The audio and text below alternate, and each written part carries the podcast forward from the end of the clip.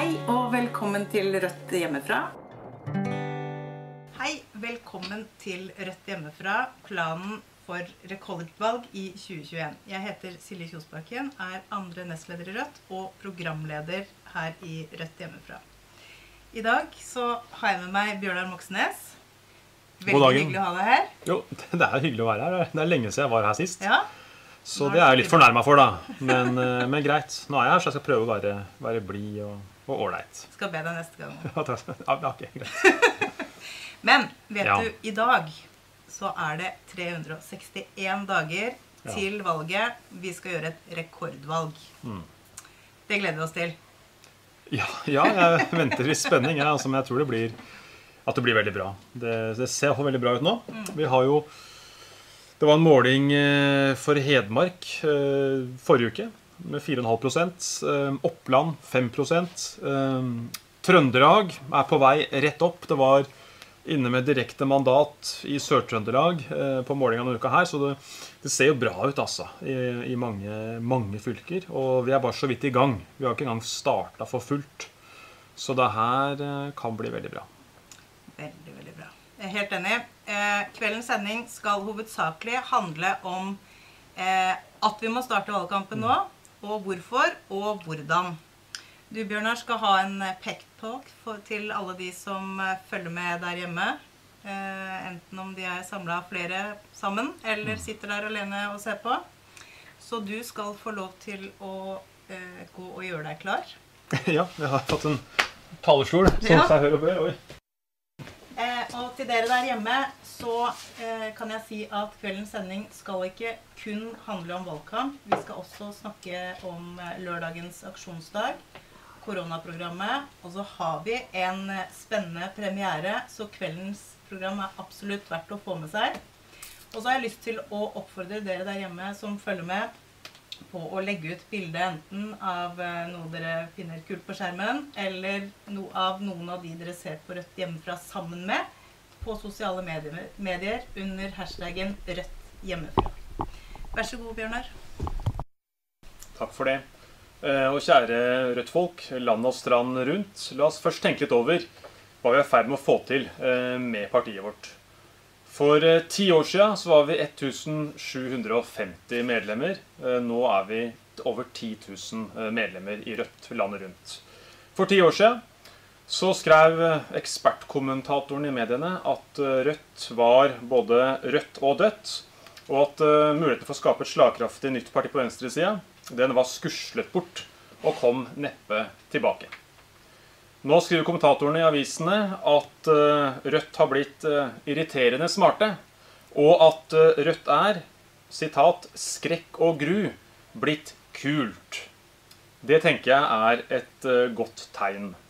Det neste året så skal vi skape en politisk sensasjon i Norge. Vi skal bryte sperregrensa, komme over 4 Det er altså over 40 år siden et annet parti i Norge klarte det i et stortingsvalg. Men det skal Rødt få til eh, i 2021. Og så sikter vi høyere enn det også. Eh, Min ambisjon er at vi skal klare å tredoble resultatet fra sist stortingsvalg. Vil si at det går fra 2,4 til eh, 7,2. Eh, Det er ambisiøst, men vi har jo tredobla medlemsmassen vår. Så hvorfor ikke tredoble stemmeresultatet?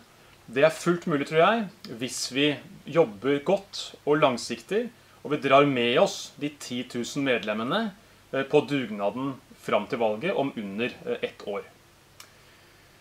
Eh, Det er også viktig for hvilken vei Norge tar, at vi blir større enn Venstre og KrF. Valget blir avgjort egentlig om kampen om sperregrensa. Eh, Hvis Venstre og KrF detter under den grensa, og vi kommer over, ja, da får vi sparka ut Erna Solberg som statsminister, og blir kvitt at Frp har en hånd på rattet eh, i styringa av Norge og kan få eh, ny, et, nytt flertall og en, en ny regjering. Men så handler også valget om noe, mye mer enn bare å skaffe nok stemmer til, til Rødt. Vårt prosjekt det er å skape et vendepunkt i kampen mot Forskjells-Norge, og det mener jeg haster. På noen år så har vi oppnådd eh, ganske mye eh, i Rødt. eh, både på Stortinget, men også ikke minst ute i landet. I kommuner, eh, i fylker, i lokallag over hele eh, Norges land. Eh, og for å komme videre derfra, så er et rekordvalg neste år eh, helt avgjørende. Ikke bare fordi at, eh, eh, et rødt rekordvalg eh, gjør det mulig å få et nytt flertall eh, og bli kvitt eh, Solbergs høyreregjering. Ikke bare for å få pressa gjennom et par gjennomslag i noen forhandlinger med en ny eh, Arbeiderparti-Senterparti-regjering etter valget om under et år. Men først og fremst så trengs det et gjennombrudd for å bygge en folkebevegelse eh, i kampen mot eh, Forskjells-Norge. Og det trengs fordi vi er ikke naive, og vi veit at det er mange der ute, i hvert fall ganske mange, som har stor interesse av at ting fortsetter mest mulig som før, selv om vi får et nytt flertall og vi får en ny statsminister. Og de menneskene, det er f.eks. velferdsprofitører, det er laksebaroner, det er eiendomskonger, det er de som har mye kapital eh, og makt. De ønsker ikke at Rødt skal gjøre et veldig godt valg neste år og klare å dra Norge eh, i en riktig retning. Og derfor er det helt avgjørende at vi både sanker mange stemmer, men også bygger et mye sterkere parti som kan stå opp imot de rike og mektige når de setter inn motstøtet eh, mot oss i valgkampen, for å prøve å hindre at vi kommer over sperregrensa, og hindre at vi får avgjørende eh, innflytelse på hvilken vei Norge tar de neste eh, fire åra. Derfor trengs det et veldig mye sterkere parti som går fullt inn i kampen, eh, valgkampen, men også kampen mot eh, Forskjells-Norge. Og etter hvert som vi nærmer oss valgdagen, og målingene holder seg, eller blir bedre når vi når fram til flere med politikken vår, så vil også andre skjønne eh, at Rødt kan få en helt avgjørende innflytelse på norsk politikk den kommende perioden. Og da vil vi få mye tøffere motstand enn vi har fått eh, fram til nå.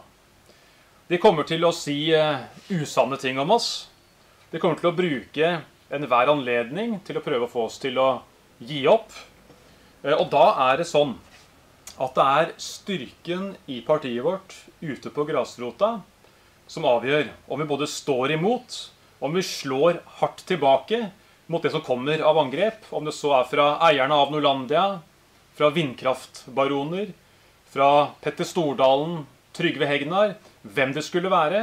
Det er styrken i partiet Rødt som avgjør om det blir et slag som vi bare parerer og slår tilbake, eller om vi går ned for telling.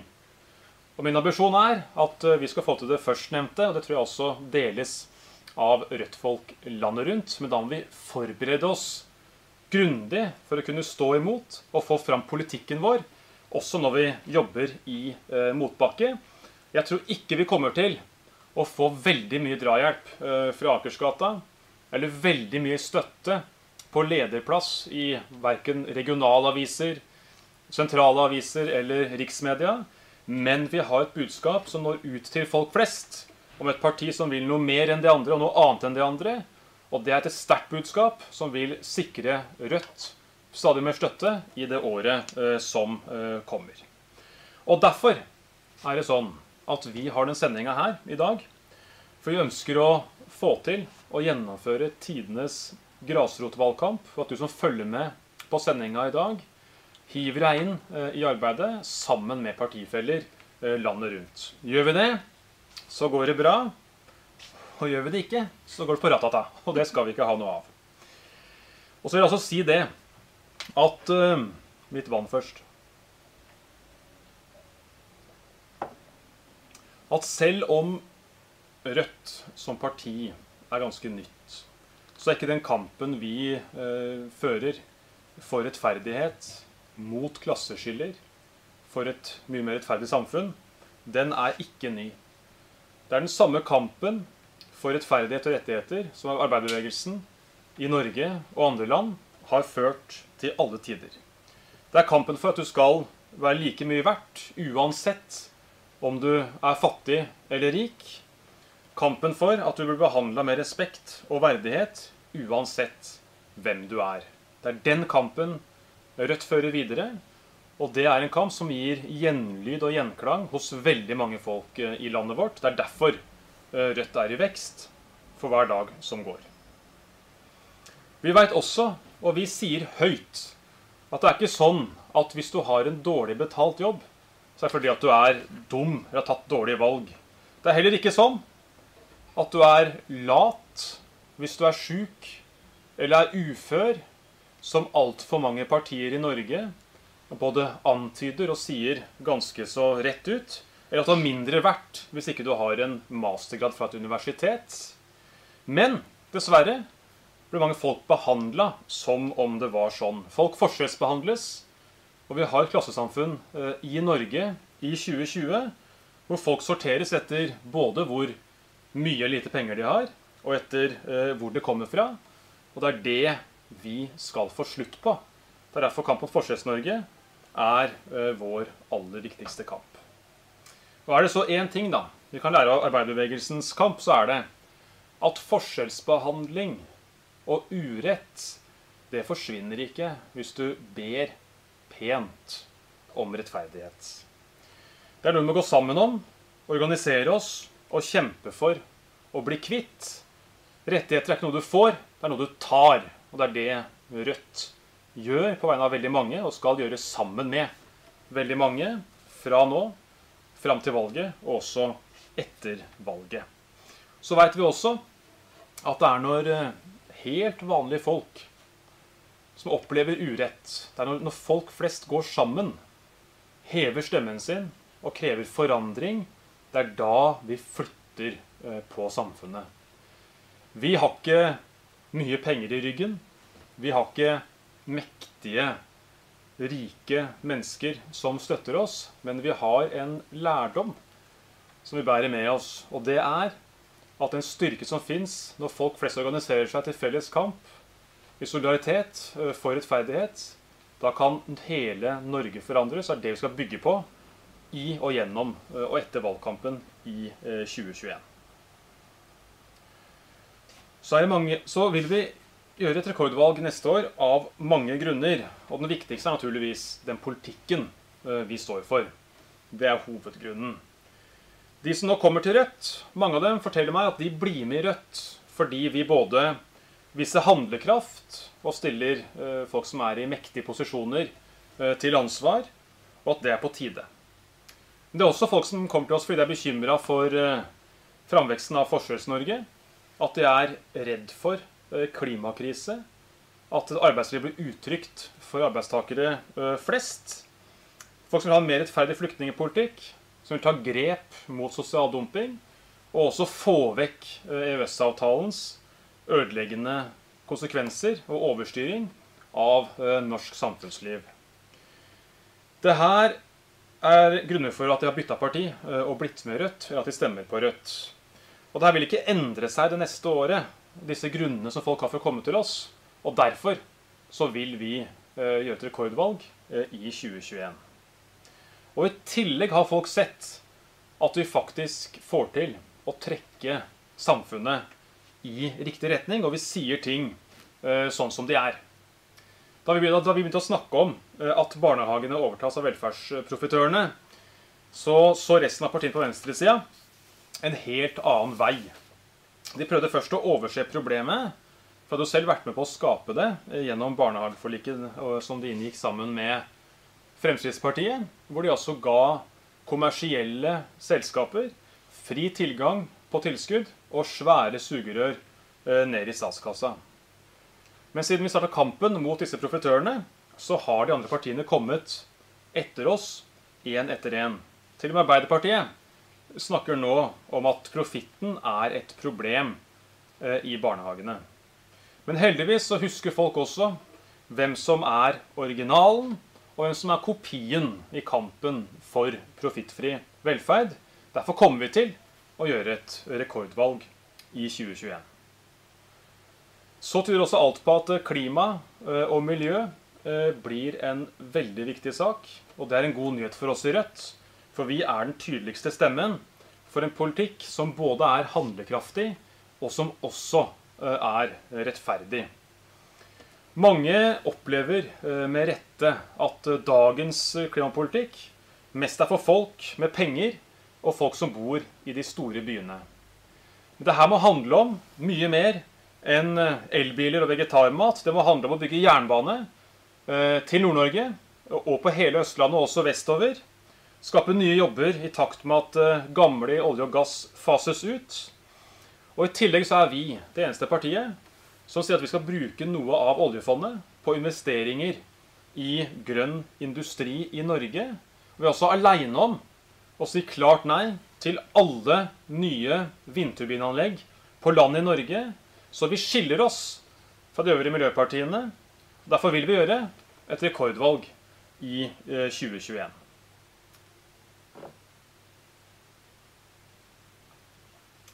Og så blir det også for veldig mange folk eh, stadig tydeligere at det er eh, fellesskap som fungerer.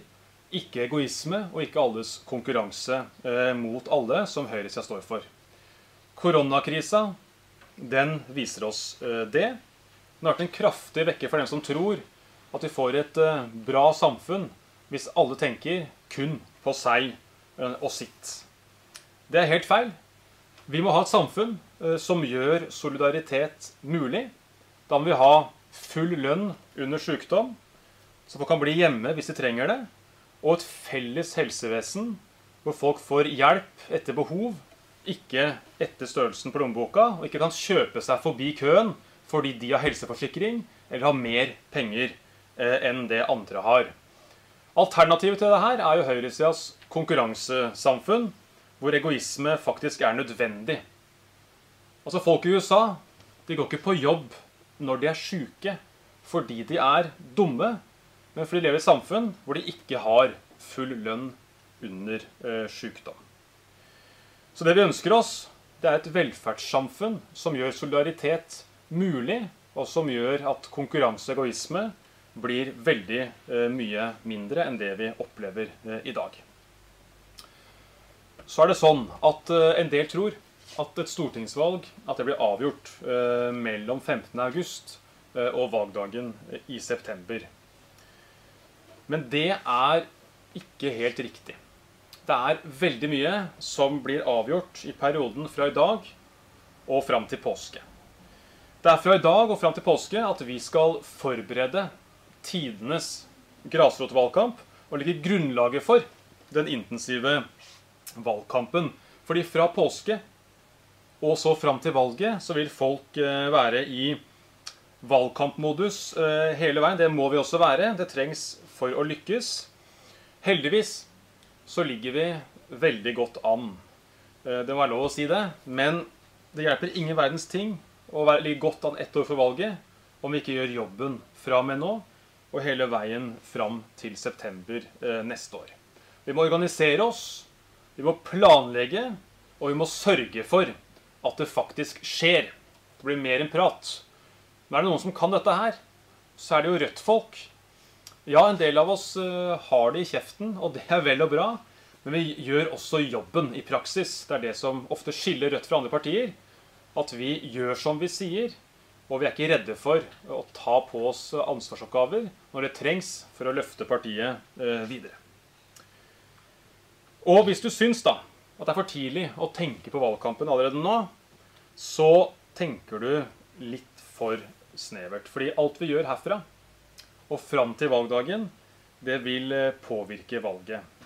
Får vi ringt nye medlemmer, får vi dem inn i lokallaget vårt, ja, så betyr det noe for resultatet vi får om ett år. Jobbinga vår eh, med arbeidsprogrammet, altså hva skal Rødt gå til valg på?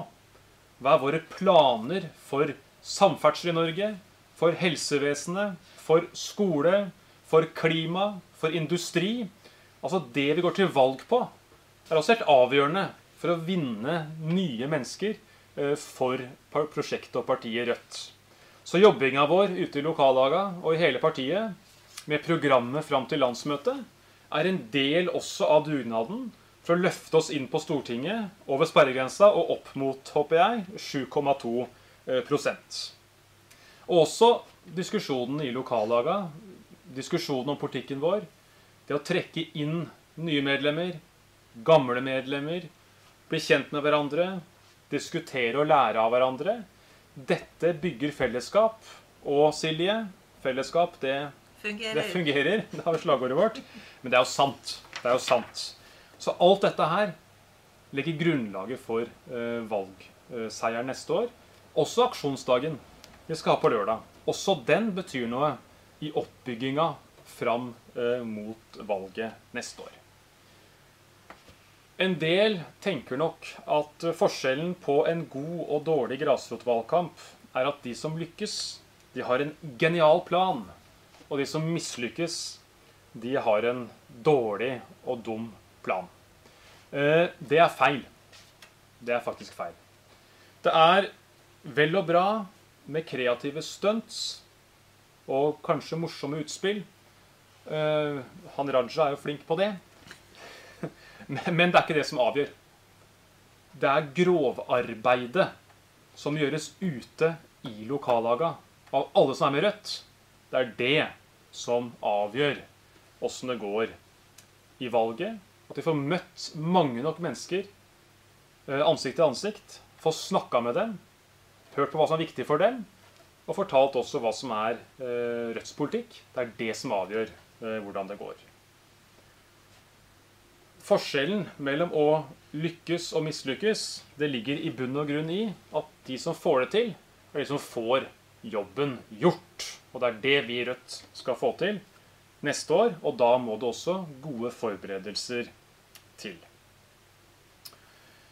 Så derfor er egentlig oppfordringa fra meg om at forskjellen på om det går bra eller dårlig, handler ikke om å begynne å dele ut kaffe fra Rødt Krus allerede om eh, to uker, men mer om å gjøre alt fram til påske litt bedre.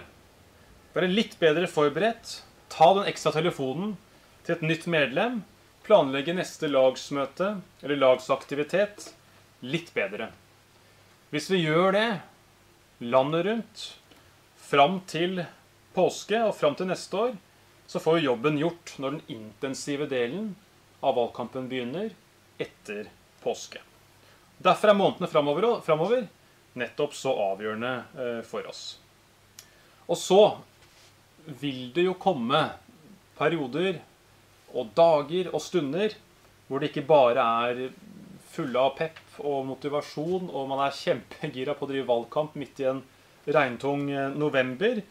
Og man kan ikke holde trykket oppe på maks hele tida. Det går ikke. Da vil folk bli utslitt. Det er ikke det jeg ber om.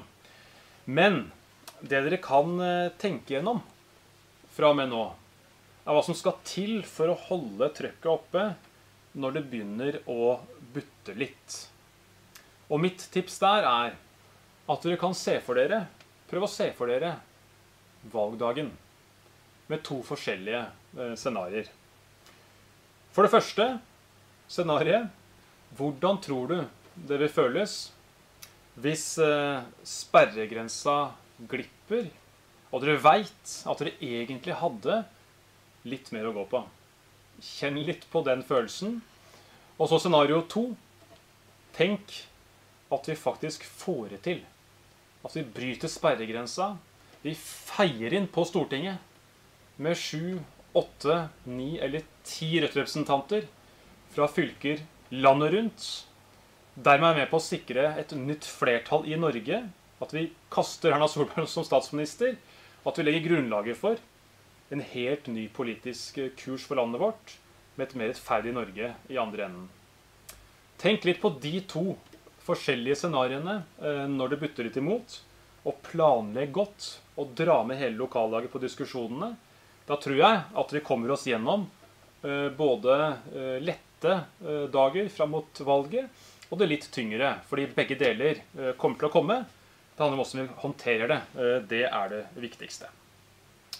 Og så er det heldigvis sånn at dere er jo ikke overlatt til dere sjøl på isolerte Rødt-øyer landet rundt. Vi er et parti med over 10 000 medlemmer landet rundt som skal både lære av hverandre og også motivere hverandre. Og så har vi et apparat på sentralen som har én jobb, og det er å sørge for at dere blir satt best mulig i stand til å drive en best mulig eh, valgkamp og også prosess fram mot landsmøtet. Og vi har to personer spesielt som er satt på det her. Og det er naturligvis partisekretær Benedicte og valgkampsekretær Reidar. Vi har tatt en prat med de to. De skal følge opp grasrotvalgkampen ute i lokallagene og si mer om hva som er planen framover. Jeg bare ønsker dere lykke til eh, med arbeidet. Lykke til med å bygge Rødt større og sterkere. Lykke til med å få med flere folk eh, på laget. Lykke til med å lytte til hverandre, til nye og gamle medlemmer. Til å fortelle oss hva som rører på seg ute i landet, så vi kan plukke opp det og også lage politikk eh, for det på Stortinget. Og lykke til eh, med all moroa som det også blir med en valgkamp om en lang periode, men også med spennende diskusjoner om landsmøtet, om hva Rødt skal til valg på eh, i 2021. Det blir moro. Jeg ser fram til å jobbe sammen med dere mot rekordvalget til neste år. Snurr film. Det som skiller valgkampen i år fra tidligere, det er at eh, vi, vi, har en ny posisjon. For det første har vi 10 000 medlemmer, så vi har veldig mange flere vi kan organisere som kan drive valgkampen for oss. Eh, som, som, gjør at vi har helt nye muligheter. Eh, for det andre så, så, er det en valgkamp hvor ting står på spill på en helt annen måte enn før. Vi har ligget godt over sperregrensa på 4% i ja, nesten 20 måneder. Eh, med, med, et lite unntak i liksom en koronamåned. Eh, og alt tyder på at vi kan klare sperregrensa. Og klarer vi å komme over 4% så betyr det høyst sannsynlig at det ikke er mørkeblå regjering mer. Eh, så mye står på spill. Det gjør at folk er ekstra engasjerte på vegne av Rødt. Jeg tror at mange har lyst til å bruke mye krefter på å få det til. Så vi har et utgangspunkt som er som gir all grunn til å være entusiastisk, og som gir all grunn til å glede seg til valgkamp. For å gjøre et uh, rekordvalg i 2021, så er vi nødt til å ta alle kreftene i bruk. Nå er vi et parti på uh, over 10 000 medlemmer. Det betyr at uh, vi må ha de 10 000 på bakken ute og gjøre aktiviteter eh, snakke med folk, fortelle om hvorfor de ble med i Rødt, og hvorfor det er en god idé å stemme Rødt i 2021. Eh, og Valgkamp er ikke nødvendigvis bare å stå på stand. Eh, så det vi kommer til å fokusere mye på framover, det er at eh, dere som ser på sendinga nå, eh, og, og, alle som er medlemmer i Rødt rundt i landet, at man snakker med folk man kjenner. Eh, for selv om selv om folk som står på stand er flinke og gjør en god jobb, så er det fremdeles noen som er fremmede fordi de møter på stand. Eh, mens, eh, mens eh, hvis jeg snakker med mine venner, så er det folk som, som kjenner meg, som har respekt for meg, som, som, ikke tror at jeg holder på med noe bullshit eller er en selger på, på gata, men det er noen som, som man stoler på. Så vi skal jobbe beinhardt for å få alle de 10 000 medlemmene våre til å tenke at middagsbordet det er et sted å drive valgkamp. Når du er på besøk hos svigers, kanskje det er grunn til å snakke litt om valgkamp. Eh, eller eh, når du er med, med, gutta og tar en øl, så er det fint å, å snakke litt valgkamp. Eh, så, så, det blir en nøkkel å få våre 10 000 medlemmer til å mobilisere sine venner. Bare tenk, hvis de får fem, seks, syv venner til å stemme Rødt, hvis hvert Rødt-medlem gjør det, da nærmer vi oss allerede et, et bra valgresultat. Vi vil ha en ansikt-til-ansikt-valgkamp fordi vi må ut og snakke med folk. Vi begynner med å snakke med dem vi kjenner. Vi skal snakke med familien, eh, familien vår, med vennene våre, med naboene våre, kollegaene våre. Fortelle dem hvorfor vi er med i Rødt. Hvorfor eh, vi mener det er en god idé å stemme Rødt i 2021. Fordi eh, Rødt trengs for å vippe et flertall, så vi får kasta Erna Solberg ut av regjeringskontorene. Um, så vi skal begynne med å snakke med dem vi kjenner.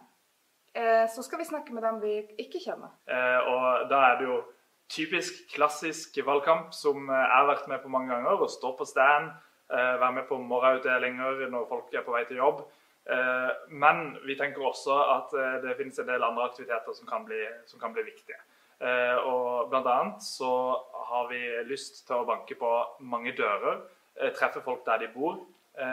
Ofte så kan man sikre seg at dørene man banker på, er i områder hvor folk ofte ender opp med ikke stemme. Så få overbevist folk om å faktisk gå til valglokalet og stemme. Eh, det er viktig. F.eks.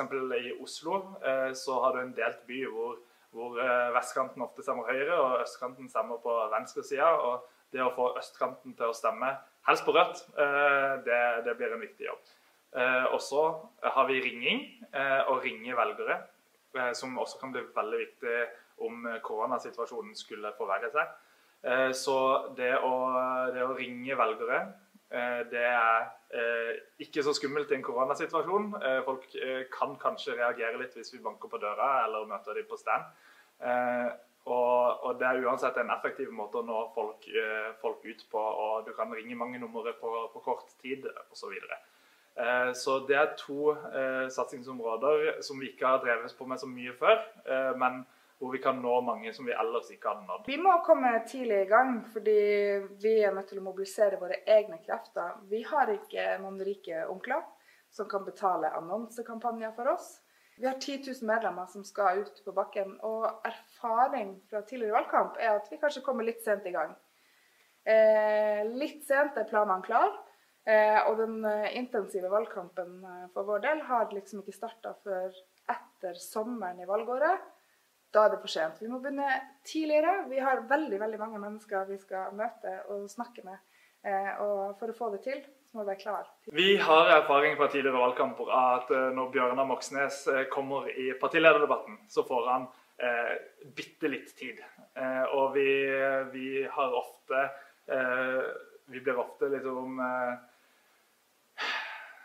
litt sånn i skyggen av de andre partiene, basert på hva mediene prioriterer. Og det er ofte urettferdig. Hvis du ser på oppslutninga vår sammenlignet med noen av de andre partiene, så får vi ufortjent lite oppmerksomhet i, i pressa, og det kan jo ha sine grunner. Eh, men derfor er det ekstra viktig at vi har en plan for å få nok stemmer uten å være avhengig av media.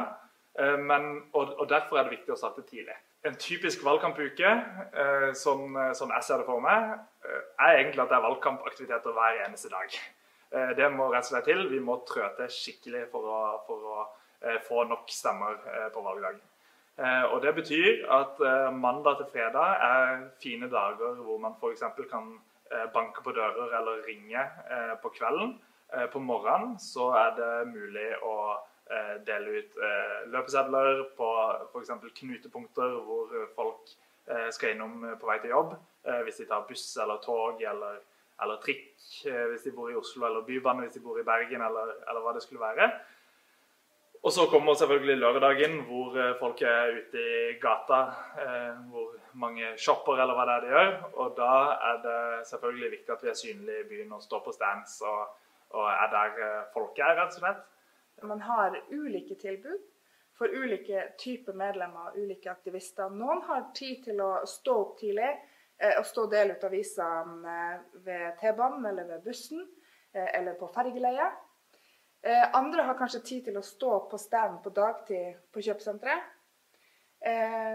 Andre har tid om kvelden til å gå innom ringesentralen og ringe til medlemmer og ringe til, støt til, til støttespillere og sympatisører og andre. Noen kan skrive leseinnlegg på kvelden.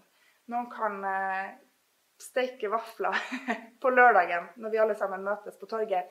Det er mulig å drive valgkamp eh, hele uka. Hvis du er et uh, nytt betalende medlem i Rødt og ikke vet hvordan du skal henvende deg, hvor, hvordan du skal bli aktiv, uh, da ville jeg uh, gått inn på rødt.no, egentlig. og da er det en knapp som heter 'Partiet'. Gå inn på den. den er øverst i menyen, og så kan du bla deg litt ned. Der er det en liste over lokallag i Norge. Eh, og da eh, er det veldig smart å finne lokallaget som er nærmest deg. Det er de som er aktive, som, eh, som bor der du bor. Og de vet hva som foregår. Og det er de som legger planene for valgkampen, og det er de som arrangerer aksjoner osv. Så, videre. så det beste er å ta kontakt med de. Hvis du ikke skulle få kontakt med de, send, et, send, en e-post f.eks. til meg. reidar.roet.no. roedt.no. så kan, kan, jeg hjelpe deg videre. og det er kjempehyggelig å være medlem i Rødt. Når, når valgkampen nærmer seg, så eh, så kommer folk i et gir det er veldig gøy å være med på. Så jeg vil veldig anbefale å, finne et lokallag. Lokallag som føler at valgkampen blir litt overveldende, og, at uh, sånne tall som 120 000 stemmer høres voldsomt ut. Da uh, Da vil jeg anbefale for det første å bryte ned tallene uh, og tenke hva er dette lokalt? for selv om 120 000 stemmer er mye, så, så, er ikke det nødvendig så mye i din kommune. da. Så, så, tenk litt gjennom det. Og så er det nok ingen hemmelighet at, og det er mitt mål i hvert fall, jeg skal være sliten 13.9. Eh, så hardt er det, liksom. Eh, men, men, eh, det er nå det må skje. Vi kan ikke vente. Vi må komme oss til 13.9. og komme godt over den sperregrensa. Få ut den mørkeblå regjeringa og få en, et vendepunkt mot Forskjells-Norge. Vi må komme oss dit. Og da, da, kommer august til å bli beinhard. Vi må jobbe hardt, men det gjør også at vi må være snille med hverandre. At vi må skryte av hverandre, at vi må bygge hverandre opp. Og hvis vi klarer det, så er jeg helt sikker på at uh, valgvakene rundt omkring i landet 13.9 blir fryktelig morsomme. Da har vi flytta oss over på et eh, format som for veldig mange har blitt uh, veldig vanlig det siste halvåret. Vi har gått over på to. Og med meg her så har jeg uh, førstenestleder Marie Sneve. Hei, Marie. Hei, Silje. Jeg er jo da rett hjemmefra, faktisk hjemmefra, og ungen har nettopp sovna, så da er jeg klar for å være med her. Så bra. Vi har jo nettopp eh, hørt eh, Bjørnar holde en eh, lang peptalk for alle de som eh, følger med der hjemme og er klare for valgkamp.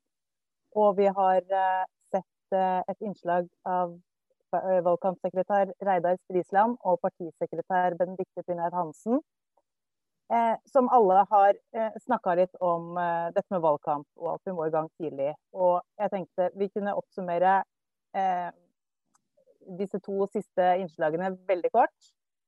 Nummer én vi skal få med hele partiet på ansikt-til-ansikt-valgkamp. Nummer to vi skal starte rekordtidlig.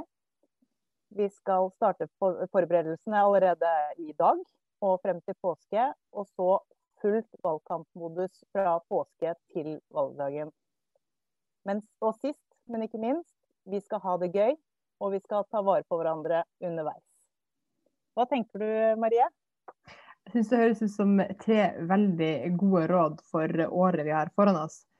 Eh, ett år kan jo føles eh, lenge, men plutselig så har året gått og valgdagen er her. Og jeg drev min første valgkamp eh, da jeg var 17 år, i 2003. Eh, og da var vi Vi hadde gode planer, sto på scenen og masse sånt. Men det jeg husker aller best, var så klart valgkvelden. Da vi fant ut at vi mangla 17 stemmer for å komme inn i kommunestyret. Og den følelsen er liksom en sånn sur følelse som jeg skulle ønske at jeg nesten hadde kjent et år i forveien. Da hadde jeg kanskje lagt inn eh, et par ekstra runder med materiell i postkastene eller et par ekstra eh, turer på stand, fordi vi hadde jo gjort veldig mye. Eh, vi hadde ikke vært lokallag før, så det var liksom veldig mye arbeid å starte opp og organisere oss og bli kjent og alt sånt. Og så bare var det føltes litt som akkurat den lille biten som hadde mangla. Og, og, det er kanskje noe av det jeg husker mest fra min første valgkamp. Mm. Og det er jo noe med det Bjørnar sa også, at når du står der på valgvaka, hva skal du tenke at du kunne gitt det lille ekstra og kanskje klart det, eller eh, skal du stå der og vite at du har gjort alt og vi klarte det? Eh, Reidar og Benedicte sier det også til sist i at eh, avslutninga, eller også valgvaka, så kommer man til å være ekstremt sliten, men man kan også glede seg. Mm. Men jeg tenker at bare si at En ting som er veldig viktig, vi er 10 000 eh, folk i Rødt nå, og alle de skal være med på valgkamp, men det skal jo heldigvis være mange flere som argumenterer for Rødt. og det å få med folk på et politisk prosjekt det tar mer enn en, en dag eller en uke og kanskje en måned. Det, det, tar tid. Man må diskutere med folk og la dem bli kjent med Rødt og Rødt sin politikk. Så den jobben må jo på en måte starte nå. Altså, er det de diskusjonene du starter med folk du kjenner eller kollegaer i dag, som kanskje resultere i at de i mars kanskje sier ah, jeg er klar, jeg vil gjerne være med på dette prosjektet. Så tenk uh, at eh, å få med seg mennesker på politiske prosjekter i politiske bevegelser, det tar tid, og det er noe vi må starte med nå. Mm. Akkurat det å snakke med venner og og, og, kollegaer og naboer og sånn om politikk. Det har jeg lyst til å snakke med deg om eh, litt etterpå, Marie. Bare først om selve valgkampen. For nå snakker vi jo mye om at vi skal gjøre tidenes grasrotvalgkamp. Eh, har du noe erfaring med liksom, dette med grasrotvalgkamp, og hva det betyr, på en måte? Ja, nei, Det var jo det eh, Eksempelet mitt fra min, eh, min, første valgkamp handler kanskje om det. Da føler jeg jo var aller mest grasrot et lokallag som ikke fantes. Altså Vi starta opp et lokallag og stilte liste til valg i en kommune der vi ikke hadde gjort det før. Så det var jo veldig sånn eh, oppstarts-nybrottsarbeid. Eh, liksom å rydde skog, eh, dyrke landet. Eh, og det var veldig morsomt. Og det som kanskje var aller morsomst, var på en måte å, å plutselig bli en person som folk spurte om politikk. Eh, fordi eh, folk er jo mer opptatt av politikk når det begynner å nærme seg et valg, eh, kanskje på våren før valget, og media begynner å skrive mye om valg, så begynner folk å lure på hva de skal stemme. Og det å være en sånn person som folk eh, sa sånn Ja, men eh, du, du, bryr deg jo litt om politikk. hva du tenker. Eh, det var egentlig ganske sånn eh, nytt for meg, og eh, noe som, som jeg syns var veldig spennende og interessant. Og det, det tror jeg er tilfellet for mange av våre medlemmer i Rødt, at det kommer til å være for første gang så er de en sånn person som folk har lyst til å diskutere politikk med, og det skal vi jo ta imot med åpne armer. Mm, absolutt. Og I tillegg til det så har vi jo på en måte noen verktøy også som vi kommer til å bruke eh, i løpet av valgkampen. Og nummer én nå eh, er jo å få ringt eh, alle medlemmene. Og eh, vårt mål, det vi har satt oss, er at alle medlemmene skal eh, bli ringt innen året er omme. Og eh, organisasjonssekretærene jobber med å utvikle et ringesystem som skal gjøre det enklere og, og, og også senke terskelen for, for, for, oss å ringe rundt for å snakke med, med medlemmene. Så eh, bare til de der hjemme, hvis dere har lyst til å være med og ringe, eh, så kan dere ta kontakt eh, enten med organisasjonssekretær Kristoffer Eh, på kristoffer.roett.no, eller bare sende en e-post til partikontoret, eller ringe oss. Så skal vi eh, med glede sette dere i sving. Må huske Men, det at eh, e-poster det er skikkelig vanskelig og slitsomt. Egentlig meldinger og Messenger og ring egentlig det som gjør at man kommer i praten med folk og får faktisk bli kjent. Og Det var nettopp det som var poenget òg, med oppgaven å ringe. Så det var et godt poeng, Marie. Men du er ikke bare nestleder i Rødt, du er jo også økonom. Mm. Så du vet jo eh, at eh, penger er viktig. Og som Bjørnar var inne på, så har ikke vi noen rike onkler. Nei, det er sant.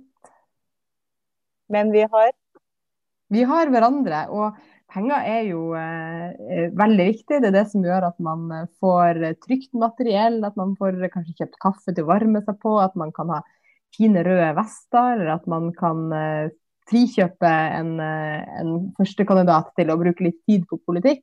Så penger i vår valgkamp er veldig viktig. Og eh, når vi ikke har rike onkler, som vi for så vidt heller ikke har så veldig lyst på, men vi har hverandre, så handler det ikke om at én person skal gi ti millioner, sånn som det fort er for de andre partiene. Men at mange backer små gjør en stor råd. Altså at veldig mange folk kan gi litt til Rødt sin valgkamp. Eh, og da har vi nettopp sparka i gang årets valgkampinnsamling.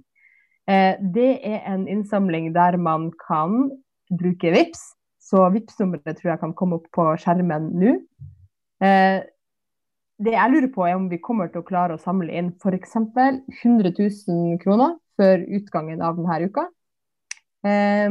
Jeg kan avsløre at vi ikke er så veldig langt unna, så det er ikke et helt uoppnåelig mål. Eh, og så skal denne innsamlinga gå helt fram til valget, og hvor mye som kommer inn, avhenger, eller vil avgjøre hvor mye vi kan eh, trykke opp på løpesedler, hvor mye kaffe vi kan servere, og kanskje også hvor mye aktivitet vi kan ha. Eh, lokaler til å ha åpne møter og arrangementer. Alt det som penger dessverre trengs til å kjøpe i dagens samfunn. Mm. Det blir veldig spennende. Og jeg også har troa på at vi klarer 100 eh, 000 eh, før den uka. her. Det hadde vært veldig kult. Ja, det er liksom 100 000 er på den første. Det er litt som å få den første tanna. Det på en måte 100 000 først, og så kommer alt det andre etterpå. Ja. ja. Men det krysser vi fingrene for. vi skal gjøre det. Kanskje vi skal sette et mål til påsken? Til påske, skal vi se, det er jo en stund til påske, så man burde jo klare en del. Um, og jeg er jo ganske glad i runde tall, da. Så hvis vi sa 100 000 nå, la oss si 1 million til påske. 1 million til påske. Eh, da har vi et veldig godt grunnlag for den aktive fasen av valgkampen som da starter etter påske. Da sier vi det. Da er det vårt eh, neste mål. Én million til påsken. Veldig bra. Da blir Jesus glad, vet du. Men du, vi har også eh, noe annet som er veldig kult. Eh, et tilbud til alle de der hjemme som har lyst til å eh, få oppdateringer på valgkamparbeidet vi eh, driver med her. Og også sikkert eh, eh, fra rundt omkring i landet.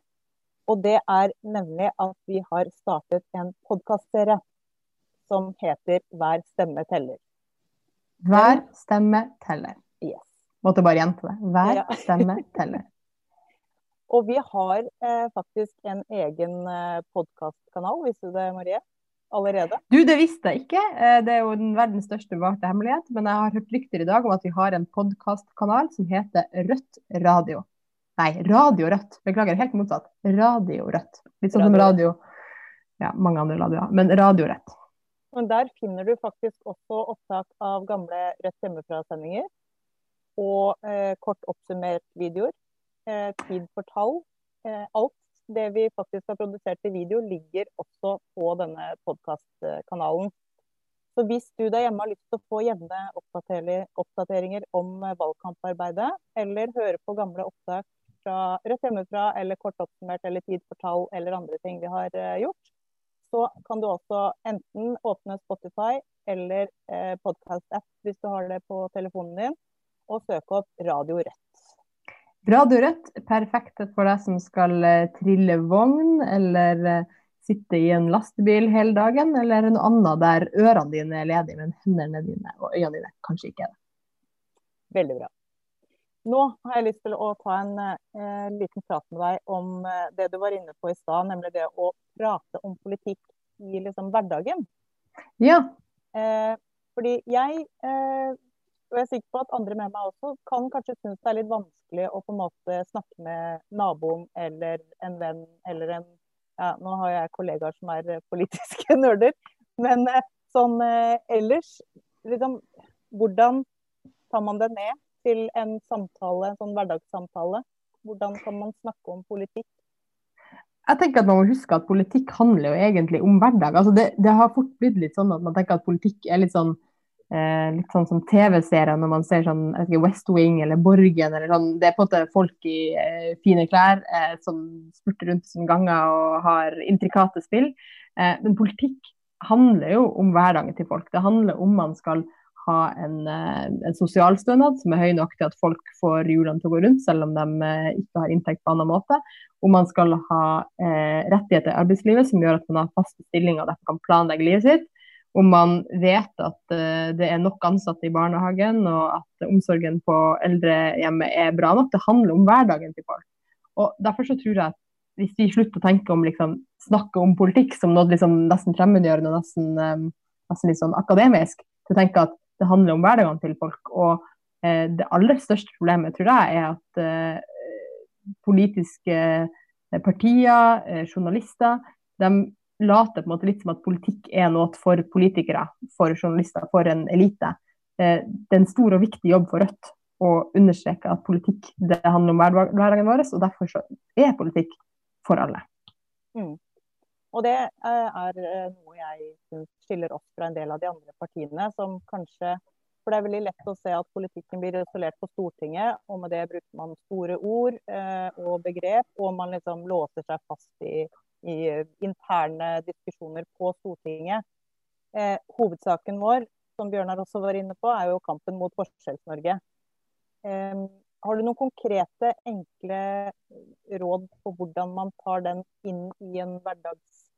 Du var jo litt inne på det nå med, med Mm. arbeidsforhold på, på, i barnehagen eller eh, sånne ting. Men har du noen sånne konkrete innfalls... vinkler til en samtale? Ja, Det spørs kanskje litt hvordan stemninga er. Altså, det er jo noen eh, Hvis du har lyst til å eh, fyre opp en morsom diskusjon når du, når du er på fest, eller noe, så kan jo det være eh, å prøve å, å, stille nesten litt sånn um, provoserende spørsmål. altså sånn eh, Syns dere det er rett at noen eh, har mange milliarder, mens andre ikke har noe som helst? Hva syns dere om at Petter Stordalen eh, elsker mandager og er dritrik, mens de som eh, jobber på hotellene hans ikke har fått lønnsøkning? Eh, det kan jo passe i noen settinger og på at det liksom være litt sånn Fredrik Solvang, sette i gang en diskusjon. Eh, F.eks. på fest, kanskje, kan det funke. Eh, eller hvis man har et arbeidsmiljø der, der lunsjpausen er litt kjedelig, sånn at uh, du kan på en måte fyre opp med å stille et sånt spørsmål. Men så har du andre settinger der det kanskje uh, ikke passer seg, eller det vil være veldig rart å, å liksom late som du er Fredrik Solvang plutselig. Uh, da kan jo kanskje heller Noe som jeg tror mange har tenkt på i det siste, er hvordan lønn folk har. Eh, Koronakrisa har jo vist oss at mange av dem som gjør de aller viktigste jobbene i samfunnet, er eh, yrker som ikke blir verdsatt veldig mye. F.eks. renholdere, folk som jobber i varehandel, og veldig mange ulike yrker i eh, helsevesenet og for så vidt skoler og barnehager. Som man kanskje tar litt for gitt. Og det tror jeg er sånn som man kan snakke med folk om. om liksom, hva syns folk om liksom, lønnsnivået i de her jobbene? Og det som også er ganske sannsynlig, er jo at noen av dem i din Altså hvis du har et familieselskap, ganske sannsynlig at noen der jobber i en av de sektorene, eh, eller at mannen eller kona deres gjør det. Så det her er jo nok en gang også liksom eh, politiske spørsmål som jo handler om livet til folk. og eh, så det er liksom, la oss si, ene ting er provoserende, det andre er, som jeg syns er et godt utgangspunkt, hvert fall nå etter koronakrisa, å snakke om liksom, hvordan verdsetter vi egentlig arbeidet til folk. Eh, og den tredje tingen um, som jeg har tenkt litt på at kan være en fin innfallsvinkel, er jo å spørre folk hvordan de har det på jobb. Altså, folk har jo jobb, eh, de som har jobb. Og da er det jo ofte sånn at uh, hvis de jobber i, um, i helsevesenet, så har de mange meninger om helsevesenet. Eh, som er viktige politiske poenger å få med seg. F.eks. at det er for mye rapportering, for lite tillit, at de har for mye å gjøre og for lite tid. Og Så kan man snakke om det. Ja, eh, du syns det. Hva kan grunnene til det være? Og så er det veldig ofte at da får egentlig du svarene, heller enn at du har måte, løsningene. Så det er kanskje nummer tre å snakke om liksom, jobben til folk. Eh, fordi det er et veldig godt utgangspunkt for å få kunnskap også sjøl, som jeg tenker vi i Rødt hele tida må være interessert i. Eh, og så tenker jeg at, eh, at eh, hvis man skal liksom ha flere innfallsvinkler, så er det jo litt sånn Overalt hvor vi er i samfunnet, hvis du er å levere ungen din i barnehagen eller du er på et foreldremøte, så er det liksom på en måte politiske spørsmål der. Eh, og prøve å eh, ta tak i dem. Um, F.eks. Eh, når man er på liksom, skolen og skal sende sin eh, seksåring på skolen, så kan det jo være interessant å diskutere om man syns det er så veldig greit tidspunkt å starte på. Det er jo politisk bestemt at man nå starter på skolen når man er seks år, i stedet for før når man var syv år. Um, det er noe som har blitt bestemt på Stortinget, det er noe som kan forandres på Stortinget. Og Nå sier jeg ikke nødvendigvis at det er, eh, det er ikke sikkert ikke alle som er enig i det, da, men det er liksom hele tida prøve å se at de potensielle problemene og utfordringene eller forbedringene man ønsker seg i samfunnet, de er helt mulig å få til, fordi det er mennesker som har bestemt de reglene vi har, og det er mennesker eh, som kan forandre de reglene. Og akkurat nå i høst så er det jo spesielt interessant fordi vi i Rødt skal lage vårt stortingsprogram. Og det betyr jo at eh, vi bør være veldig interessert i å spørre folk eh, om hvordan eh, de ønsker at samfunnet skal være, diskutere med dem, finne ut om vi er enige, få gode innspill, sånn at vi kan gå til valg på eh, god politikk for å få ned forskjellene. Mm. Så Det er litt sånn ulike innfallsvinkler, kanskje. Og så tenkte jeg bare si det at noe av det som jeg er spesielt glad for i Rødt, er at alle det er et par hundre som ser på denne sendinga her, og alle som er aktive i Rødt, er veldig flinke til å komme med innspill og på å si, si ifra. Sånn som f.eks. nå under koronakrisa, da det var veldig mange som ikke fikk de pengene de hadde krav på. At folk som var permittert eller arbeidsledige, som ikke fikk pengene de hadde krav på så var det jo Rødt-folk i, eh, i liksom Raufoss-miljøet som begynte å si ifra veldig høyt om det på, på, Facebook. Og jeg er helt sikker på at mange av de kampanjene er det som eh, OK, nå gikk det jo kjempelang tid før, de fikk pengene sine, så ikke sånn det gikk, gikk, bra, men det fikk i hvert fall en del oppmerksomhet. Og eh, det er sånn som jeg tror en del eh, andre partier kanskje ikke har så mange folk som eh, ja, som har, vet hvor skoen trykker, og som ser eh, hverdagen på et annet sted enn Stortinget. Mm. Ja, det er jo også i oppsummeringa viktig å nevne at vi må bruke hverandre og spille hverandre gode og eh, utveksle kunnskap og erfaringer. Eh, vi eh, må nesten runde av straks. Jeg har, eh, vi har jo snakket litt om koronatida. Eh, vi har jo også lagd et koronaprogram som eh, de der hjemme nå skal få se deg snakke veldig kort om. Tusen hjertelig takk for at du, tok, deg, Tusen takk for at du tok deg tida til å komme innom, Marie. Takk for meg. Ha det. Hvordan går det med deg? Norge står midt oppe i en pandemi og økonomisk krise, og jeg lurer på hvordan det går med alle dem som har holdt førstelinja i velferden. Ikke i dager og uker, men i mange måneder nå. De har fått applaus, men ingen lønnsvekst. Og de har heller ikke fått noen flere kolleger, selv om de har mye mer å gjøre. Jeg lurer på hvordan det går med alle dem som er arbeidsledige og permittert, og som over natta har fått redusert inntekta si betydelig. De får nå beskjed om at de ekstra dagpengene som man har hatt under koronakrisa, de skal ta slutt nå denne høsten, selv om krisa er langt fra over. Og så lurer jeg på hvordan det går med alle dem som var arbeidsledige før krisa traff. Over 100 000 sto i en arbeidsledighetskø da, som bare har blitt lengre. Og de her folkene har heller ikke nytt godt av de ekstra tiltakene under koronakrisa. Den politikken som har blitt ført i Norge de siste årene, er politiske valg. Vi i Rødt mener at man kunne tatt andre valg. Vi kunne hatt en vei ut av koronakrisa som er mer rettferdig, og som gir oss kortreiste løsninger. Vi har lagt fram et program for hvordan vi skal komme oss ut av denne krisa. Det inneholder et forslag om 10 000 flere velferdsjobber for å gi avlastning til dem som står i førstelinja, og samtidig bedre velferd til oss alle. Det er forslag om at økte dagpenger skal komme alle til gode, også dem som var arbeidsledige før krisa traff. Og ikke minst at disse økningene skal fortsette langt inn i neste år, og forhåpentligvis også etter neste stortingsvalg. Det er mange andre forslag i koronaprogrammet vårt, og jeg håper du har lyst til å gå inn på rødt.no for å lese det. Og så er det ikke fullstendig og ferdig enda, så vi håper at du kan komme med innspill i kommentarfeltet på forslag du mener vil ta oss ut av krisa på en rettferdig måte. Det var Marie Sneve om koronaprogrammet vårt. Og for de av dere som har lyst til å lære mer om koronaprogrammet vårt, så kan dere gå inn på eh, rødt.no nettkurs og finne en lengre innledning Marie Sneve har holdt om, eh, om koronaprogrammet. Veldig lærerikt. Men nå har jeg også fått eh, besøk av Benedikte Prineid Hansen i studio. Partisekretæren vår. Velkommen, Benedikte. Takk. Takk. Eh, vi skal snakke om eh, en spesiell dag som kommer nå på lørdag. Mm. Hva er det? Du, På lørdag så har vi nasjonal aksjonsdag. Det betyr at eh, vi skal ut i hele landet. Hele partiet skal ut i hele landet eh, og møte folk. Og temaet for aksjonsdagen nå på lørdag er koronakrisa. Vi har lyst til å, å møte folk på gata, spørre dem hvordan krisa har eh, hvordan krisa har eh, ramma dem, eh, eller om det har ramma dem, eller, ja, og hva vi trenger å endre på. Hvordan skal vi gjøre ting bedre.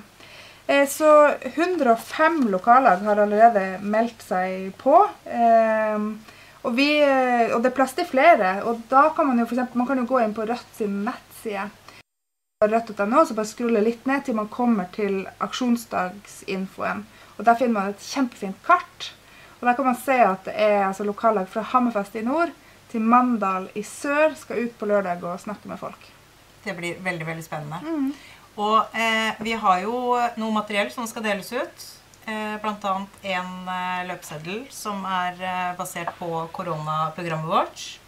Ja, den er ganske enkel. Den, eh, den, handler litt om at vi har lyst til å komme i kontakt med folk og høre hvordan folk har det, hvordan mm. det har vært å leve, og uh, hvordan folk har blitt påvirka og sånt. Um, så den er litt sånn for å få folk i, i, prat, rett og slett. Vi trenger å få innspill og høre mm. fra flere. Mm. Og så har vi en annen ting som er helt fersk fra trykken. Ja. Som skal deles ut. Helt rykende varm ja. og fersk fra trykken Eh, vi har fått en helt ny løpseddel. Eh, den kom fra trykken eh, Var det i dag? I går? Den er skikkelig fersk.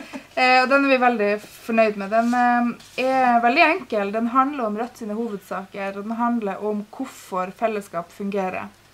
Den handler om eh, de sakene vi jobber med.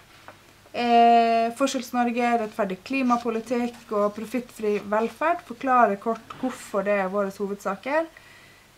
Men eh, den sier også noe om hvem vi er, ikke bare hva vi jobber for. Eh, den sier noe om hvordan vi jobber. Hvordan vi klarer å utgjøre en forskjell, selv om vi fortsatt er et eh, ganske lite parti. Eh, hvordan vi eh, får til det, at vi ikke har karrierepolitikere. Vi er ikke til salgs. Vi har ingen rike onkler eh, som gir oss masse penger og krever innflytelse over politikken vår. Det er ikke sånn det fungerer. Vi jobber med de folkelige bevegelsene der ute. Vi jobber med miljøbevegelsen, eh, med fagbevegelsen, solidaritetsbevegelsen, eh, distriktsopprøret. Eh, vi er i bevegelsene, eh, og det er sånn vi, sånn vi jobber. Eh, så den er kjempefin. Så den kan man også dele ut på lørdag. Hvis folk lurer på om Rødt er et parti for dem, så forklarer den veldig godt hvem vi er og hva vi jobber for. Mm. Og den eh, har de fleste bestilt og fått levert i posten. Det er enda noen igjen. Hvis det er et lag der ute som ikke har rukket å bestille innen fristen, så kan det være mulig å bestille. Den skal vi også holde på frem til valget. Ja, den her er jo egentlig bare å bestille til det blir tomt, og så bestiller vi mer hvis det går tomt. Altså sånn, Den her, eh, den, den, eh, den holder seg eh, en stund, så den er fin. Mm. Så den er fersk. Bruk den i lokallagene. Ja. Veldig bra. Eh, nå er vi nødt til å avslutte, men eh, vi håper at alle dere der hjemme eh, er litt mer gira til å gå inn i valgkampmodus. For nå, det som skjer nå frem til eh, årsskiftet og påske, er veldig viktig at eh, blir satt i gang. At vi får mobilisert og lagt grunnlaget for eh, valgkampinnspurten fra, fra våren og frem til valget. Ja, nå skal vi bruke høsten på å liksom komme i gang. Vi skal skolere oss på alt vi trenger å bli skolert på. Eh, så bare følg med. Det kommer til å komme masse flere kurs på rødt.no slash nettkurs. Vi skal ha flere skoleringshelger. Eh, både liksom sentralsamling og flere lokale og regionale samlinger. Eh, og ehm, ja, for vi skal lære oss mange nye ting. Vi skal bli bedre kjent. Vi skal lage strategiene og meisle dem ut og sånn. Eh, og vi begynner nå på lørdag. Vi varmer opp med å være ute på gata og møte folk. Eh, det gleder vi oss til. Veldig bra. Da tror jeg vi må si takk for oss. Og tusen takk for at dere der hjemme fulgte med. Lykke til.